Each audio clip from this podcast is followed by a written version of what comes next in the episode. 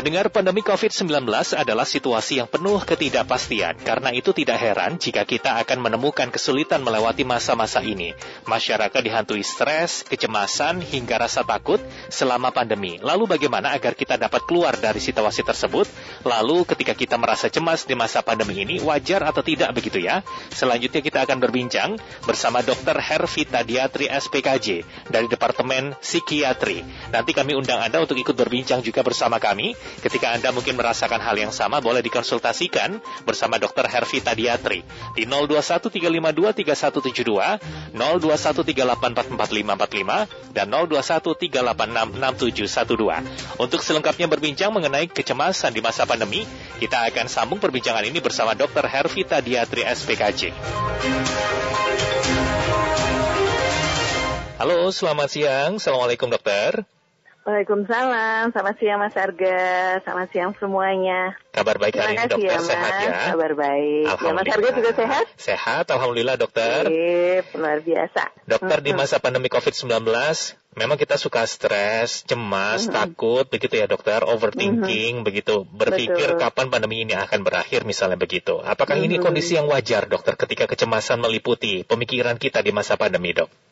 Baik, makasih banyak Mas Arga. Jadi sebenarnya kalau kita ini kan pandemi ini artinya satu peristiwa bencana ya Mas ya. Bencana mm -hmm. tapi ini sebabnya karena penyakit nih gitu. Jadi namanya dalam situasi bencana uh, sebenarnya satu kondisi kecemasan tuh uh, satu hal yang wajar gitu sebenarnya. Mm-hmm. Nah dan memang kita berharap dengan perjalanan waktu rasa cemas itu juga berkurang gitu kan ya karena mm-hmm. kita sudah semakin beradaptasi. Jadi sebenarnya kalau terjadi sesuatu yang tidak kita harapkan dalam hidup respon cemas itu wajar. Hmm. Nah, namun memang benar sih Mas, ada juga yang uh, terasa tidak wajar gitu karena ada kelompok yang sebenarnya uh, tidak cemas. Nah, di masa pandemi ini kalau kita lihat data yang dikeluarkan oleh Departemen Psikiatri ya tempat saya bertugas, mm-hmm. itu ada sekitar satu dari lima orang Indonesia mas yang mengalami uh, apa namanya gangguan cemas gitu.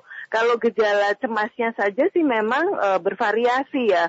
Maksudnya rasa deg-degan, rasa khawatir, tapi terus ada yang hilang. Mm-hmm. Nah ternyata ada sekitar satu dari lima uh, orang penduduk yang uh, cemasnya itu lumayan lumayan mengganggu ya Mas ya dan mhm. mempengaruhi kehidupannya gitu. Jadi pada kelompoknya itu tentunya tidak wajar. Tapi kalau yang cemas, eh, merasa cemas sebabnya jelas lalu kemudian hilang, ya itu sih wajar saja. Gitu. Hmm.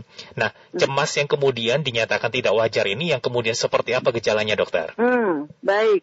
Jadi memang kata kuncinya ada pada uh, menimbulkan penderitaan ya mas buat orang itu, hmm. atau bahkan lebih jauh sampai mengganggu fungsinya. Hmm. Gitu. Nah itu yang yang uh, apa namanya kata kuncinya ya. Jadi sampai dia tidak bisa menjalankan tugas yang seharusnya biasanya dia lakukan. Jadi uh, tugas itu tidak hanya mereka yang bekerja, tapi termasuk uh, seorang ibu rumah tangga misalnya tidak bisa mm-hmm. menjalankan tugasnya, sebab khawatir, mm-hmm. uh, fungsinya untuk mendampingi anak-anak belajar juga terganggu mm-hmm. gitu. Anak-anak juga begitu mm-hmm. sampai akhirnya tidak bisa tidur karena mimpi buruk dan seterusnya gitu, Mas. Jadi mm-hmm. tidak sejahtera lah ya uh, apa namanya secara mental. Ya. Nah, mm. kita dalam mengelola kecemasan ini, dokter, seperti apa yang harus kita lakukan, dok?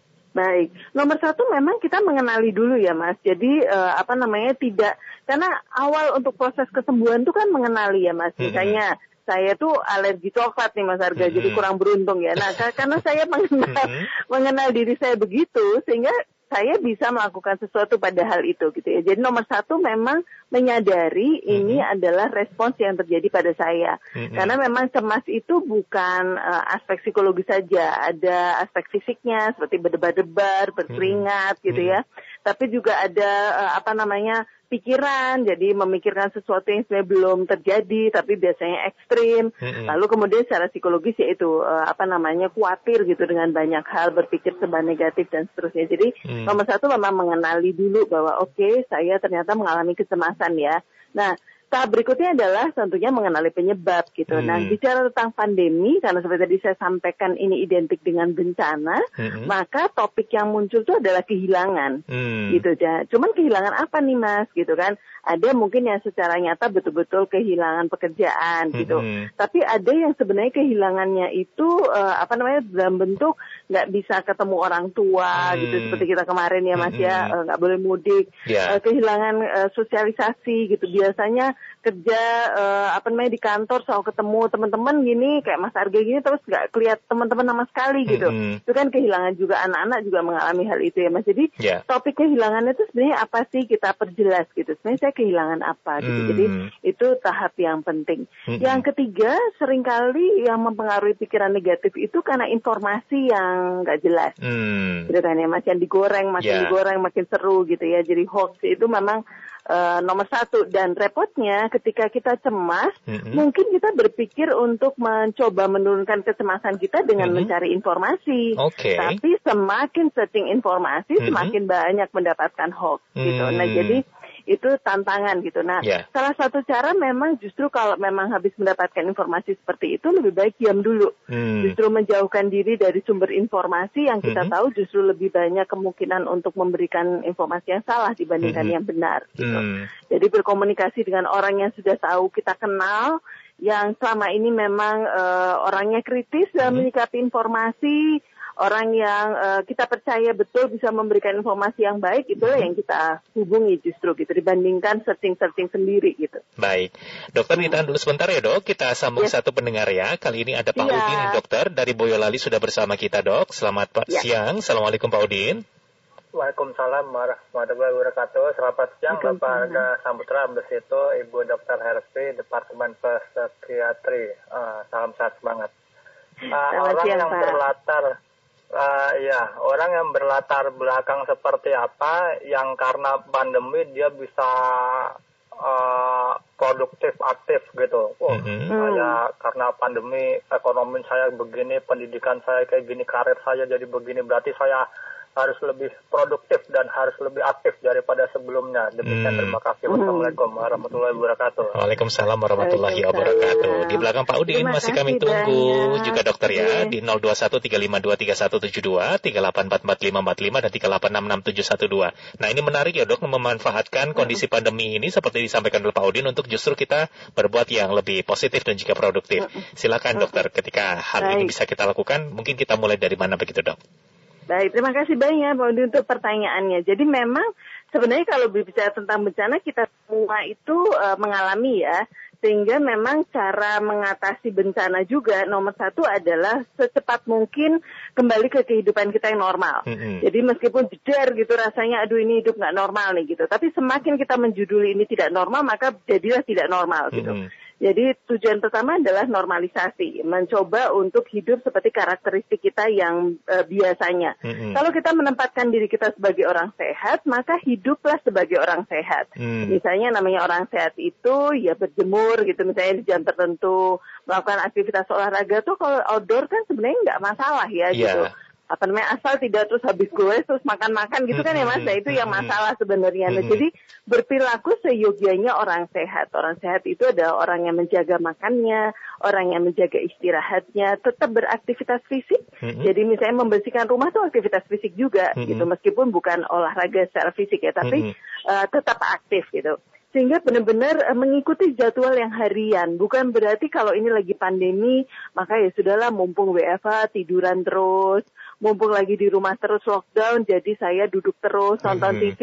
Itu bukan karakteristik orang sehat hmm. gitu. Jadi ini yang memang uh, sangat apa namanya sangat perlu kita pikirkan gitu. Hmm. Tidak terus kemudian tidur siang lebih banyak hmm. dan yang mengakibatkan kita malam jadi tidak istirahat dan seterusnya. Hmm. Nah, kemudian mengkoleksi kembali kalau saya tipikal orang produktif, itu apa sih yang saya miliki sama ini? Oh, saya tuh orang yang senang sekali membaca Al-Quran misalnya. Ya sudah berfokus pada itu gitu. Apa hmm. yang memang selama ini kita yakini sebagai minat kita, sebagai hobi kita, sebagai nilai lebih kita dibandingkan orang lain gitu ya. Hmm. Bahwa itu sama gitu mas. Mas Ade juga senang baca, aku juga yeah. senang baca itu nggak nggak masalah. Yang -hmm. penting untuk saya itu ada satu nilai lebih saya gitu dibandingkan -hmm. orang lain. Jadi itu yang kita lakukan. Dan itu dimasukkan dalam jadwal sehingga rasanya hmm. akhirnya kita tidak punya waktu luang gitu hmm. loh ya hmm. untuk memikirkan hal-hal yang negatif yeah. gitu. Nah, aktivitas fisik pun sebenarnya juga dimintakan Mas untuk mm -hmm. orang dewasa kita tetap aturannya sama seperti mm -hmm. sebelum pandemi 150 menit per minggu. Mm -hmm. Itu jadi bergerak terus gitu. 150 kan berarti udah dua jaman mm -hmm. ya Mas, dua jam lebih hampir tiga jam. Betul. Jadi artinya sebenarnya waktu kita itu akan lewat dengan cepat dan kita sendiri karena kita beraktivitas fisik, Mm-mm. tubuh kita, pikiran kita, hormon stres kita akan ini apa Mhm. namanya produktif, Mm-mm. kita jadi lebih kuat gitu Ya. untuk mengatasi situasi. Baik, dokter kita tahan dulu kembali sebentar. Satu Ya. pendengar kembali juga bergabung bersama kami. Ini ada Pak Nur Hadi di Bekasi. Pak Nur Hadi, assalamualaikum. Waalaikumsalam warahmatullahi Mas Arga, Bu Silakan. Dokter selamat siang, salam Iya. sehat selalu buat kita semua ya. Amin. Salam sehat. Iya, dokter sedikit sebelum ke pertanyaan saya tadi yang agak parno coklat dokter ya? Alergi Bukan. coklat, Pak Oh, Hadi. alergi. Ya. Enggak, berarti kalau sedikit kalau teman-teman sejawat lagi dikasih coklat semua, berarti mohon maaf dokter minta mentahnya atau warna. Tapi mentahnya bukan Saya fisik menikmati mereka Oh, bergembira, menikmati Pak. mereka. Bukan minta mentah waralaba outletnya satu gitu buat Enggak, begitu enggak. Bercanda ya dokter. Oke, ke dua Iya, pertanyaan makasih, saya Pak. dokter. Yang Iya. pertama mengenai cemas eh, sedikit untuk eh, mengenai vaksin dokter. Saya kok agak bingung Mm. cemas. Hmm. Itu cara nguranginnya gimana? Apa dengan tidak melihat? Tapi bedanya gini, kalau jarum suntik yang untuk di vaksin itu kan sebentar dan kecil dan eh, tegak lurus 90 derajat ya intravena. Mm-mm. Nah itu kok eh, beras kelihatannya agak mengerikan dalam tanda kutip ketimbang kalau donor darah udah nancapnya lebih lama Hmm. eh, 45 derajat diameter lebih besar dan posisinya diambil Hmm. ya kan bukan eh, itu nah Betul. itu untuk mengklarifikasi pada satu tubuh kita yang sama tapi dengan beda tindakan itu bagaimana menghilangin cemasnya. Itu yang pertama. Mhm. yang kedua mengenai sedikit ada tren terbaru. Oke tadi sudah untuk berpikir, berpikir positif tidak berita hoax segala macam berita pada yang A1 saja begitu. Tapi kemudian ada eh, kecemasan mengenai yang terbaru adalah eh, apa namanya mau divaksin tapi nunggu jangan batch yang tertentu ini gitu kan jadi agak, Hmm. agak Hmm. eh, antara cemas sama ngeledek begitu ya itu gimana itu aja terima kasih Baik. selamat siang semua Terima kasih Pak Nur Hadi. Siap, silakan langsung ditanggapi dokter. Terima kasih banyak Mas Arga. Pak Nur Hadi luar biasa. Jadi, satu kelebihan yang saya rasakan dalam diskusi dengan Pak Nur Hadi adalah eh, keterampilan beliau untuk mengikuti berbagai macam informasi gitu ya. Betul. Jadi, dan itu satu satu kekuatan gitu. Dan Mhm. bagaimana cara beliau tadi mencoba mempersepsikan tentang jarum Mhm. itu luar biasa sekali. Nah, namun demikian berarti terlihat ya bahwa masalahnya bukan di jarumnya Mm-mm. tetapi pada berita-berita pascanya Ya. gitu kan terkait obat ini seberapa yakin gitu kan bisa melindungi kita atau tidak lalu kemudian apa namanya eh, efek lanjutannya akan seperti apa gitu kan nah saya sering kali memang diskusi kita berhenti di situ gitu berhenti pada eh, ini beneran bisa melindungi apa enggak sama satu lagi ya, kalau terjadi sesuatu fatal gitu kan Mm-mm. langsung mikirnya seperti itu Mm-mm. dan melupakan bahwa ada sekian banyak orang yang ternyata tidak mengalami kefatalan tadi Ya. juga apa namanya memang kalau soal antibodi masih ini ya masih Mm-mm. kontradiksi gitu Mm-mm. kan masih belum selesai penelitiannya karena kita berhadapan dengan satu hal yang baru. Mm-mm. Namun kalau kita ber, ber- nah jadi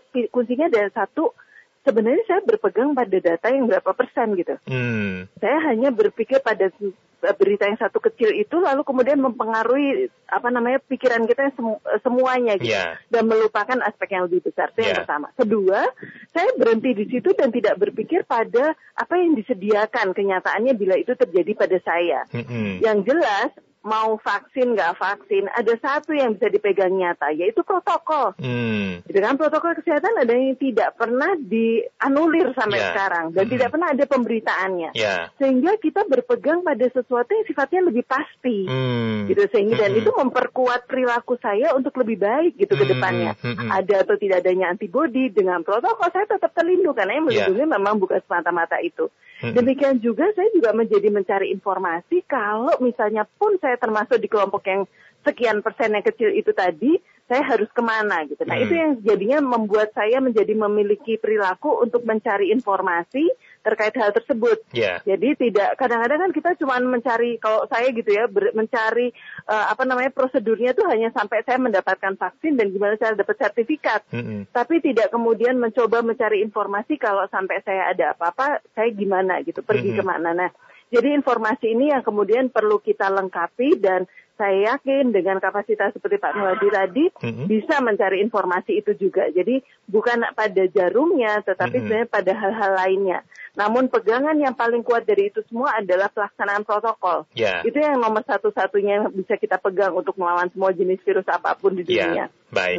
Nah, dokter kalau kita kembali kepada kecemasan tadi, dok, kondisi yang Ya. seperti apa, begitu dokter, ketika kita ini merasakan kondisi tersebut sehingga butuh betul-betul memang pendampingan dari psikolog Hmm, atau dari psikiater, begitu profesional dokter, ya. dari profesional, begitu dok. Baik, baik. Terima kasih banyak, Mas. Aga, jadi kalau memang seperti tadi saya sampaikan, kecemasan kalau masih bisa kita kelola, enggak apa-apa. Tetapi kalau itu sampai mengganggu fungsi kita, membuat kita tidak sejahtera, apalagi juga orang sekitar juga eh, tidak sejahtera karena kita berubah perilaku ya. Mhm. Misalnya kita biasanya tenang menjadi gugupan, menjadi mudah marah, emosional dan sebagainya. Mhm. Sebenarnya itu juga salah satu indikator. Hmm. Pada saat itu mungkin kita membutuhkan orang lain. Saya Mhm. membuatnya berjenjang dulu. Orang lain di sini adalah orang-orang di sekitar kita. Apakah kalau dengan saya bercerita ini turun? Mhm. Ataukah kalau saya kemudian membuka diri tentang kekhawatiran saya, karena kan ada juga yang masih ingin menyimpan ya mas ya, Mhm. Eh, terutama pada laki-laki. Saya kan laki-laki harus kuat, eh, nggak boleh merasa cemas sehingga disimpan terus di dalam hati gitu. Mhm. Nah ketika menceritakan pada orang lain, apakah memang mengalami penurunan atau enggak gejalanya? Hmm. Kalau tidak dengan dengan lingkup keluarga dan seterusnya itu ya Mas. Nah, kalau memang tidak bisa demikian baru kita naik ke profesional. Hmm. Nah, memang saya paham kenapa tidak bisa dengan eh, lingkungan sekitar kadang-kadang ada hubungan dengan stigma ya pandemi ini ya. Mhm. Jadi nanti kalau sampai cerita malah ketahuan gitu Hmm, loh. ya. Eh, apa namanya ada perilaku yang kurang eh, sehat gitu Mhm. misalnya perilaku eh, tidak sesuai protokol, ada keluarga yang positif itu bikin takut. Mhm. Oleh karenanya silahkan datang ke profesional. Mhm. Profesional pun juga nggak harus datang tuh artinya karena berikutnya kan memunculkan kecemasan baru tuh. Mhm. Aman nggak saya datang ke rumah sakit? Mhm. Aman nggak saya datang ke klinik gitu Mhm. kan? Eh, Nanti ketemu orang COVID yang lain. Banyak sekali Mas Harga fasilitas yang disediakan bahkan oleh Satgas, Mhm. oleh teman-teman saya di psikologi yang bisa diakses secara online Hmm, ya. gitu sehingga bisa juga menggunakan itu nanti beliau-beliau juga akan mengarahkan kalau ternyata dengan tipsnya misalnya untuk latihan nafas untuk me- apa meditasi yoga untuk berpikir positif latihan berpikir positif gitu tidak bisa membantu Mhm. biasanya teman-teman kemudian akan mengusulkan untuk pergi ke profesional yang lebih tinggi dalam Mhm. arti untuk pemberian obat Baik, jadi baik. stepnya seperti itu mas Baik, terima kasih dokter. Mas Kita sepakat dalam hal ini kesehatan jasmani maupun rohani ini sama pentingnya dokter ketika kita Oh, mengalami kemudian atau merasa gangguan kesehatan jiwa kita juga uh, perlu mendapatkan pertolongan ataupun kemudian perlu mendapatkan uh, treatment tertentu maka tidak uh, perlu sungkan tidak perlu malu untuk terus mencari uh, apa namanya saran juga treatment yang paling tepat begitu ya dok.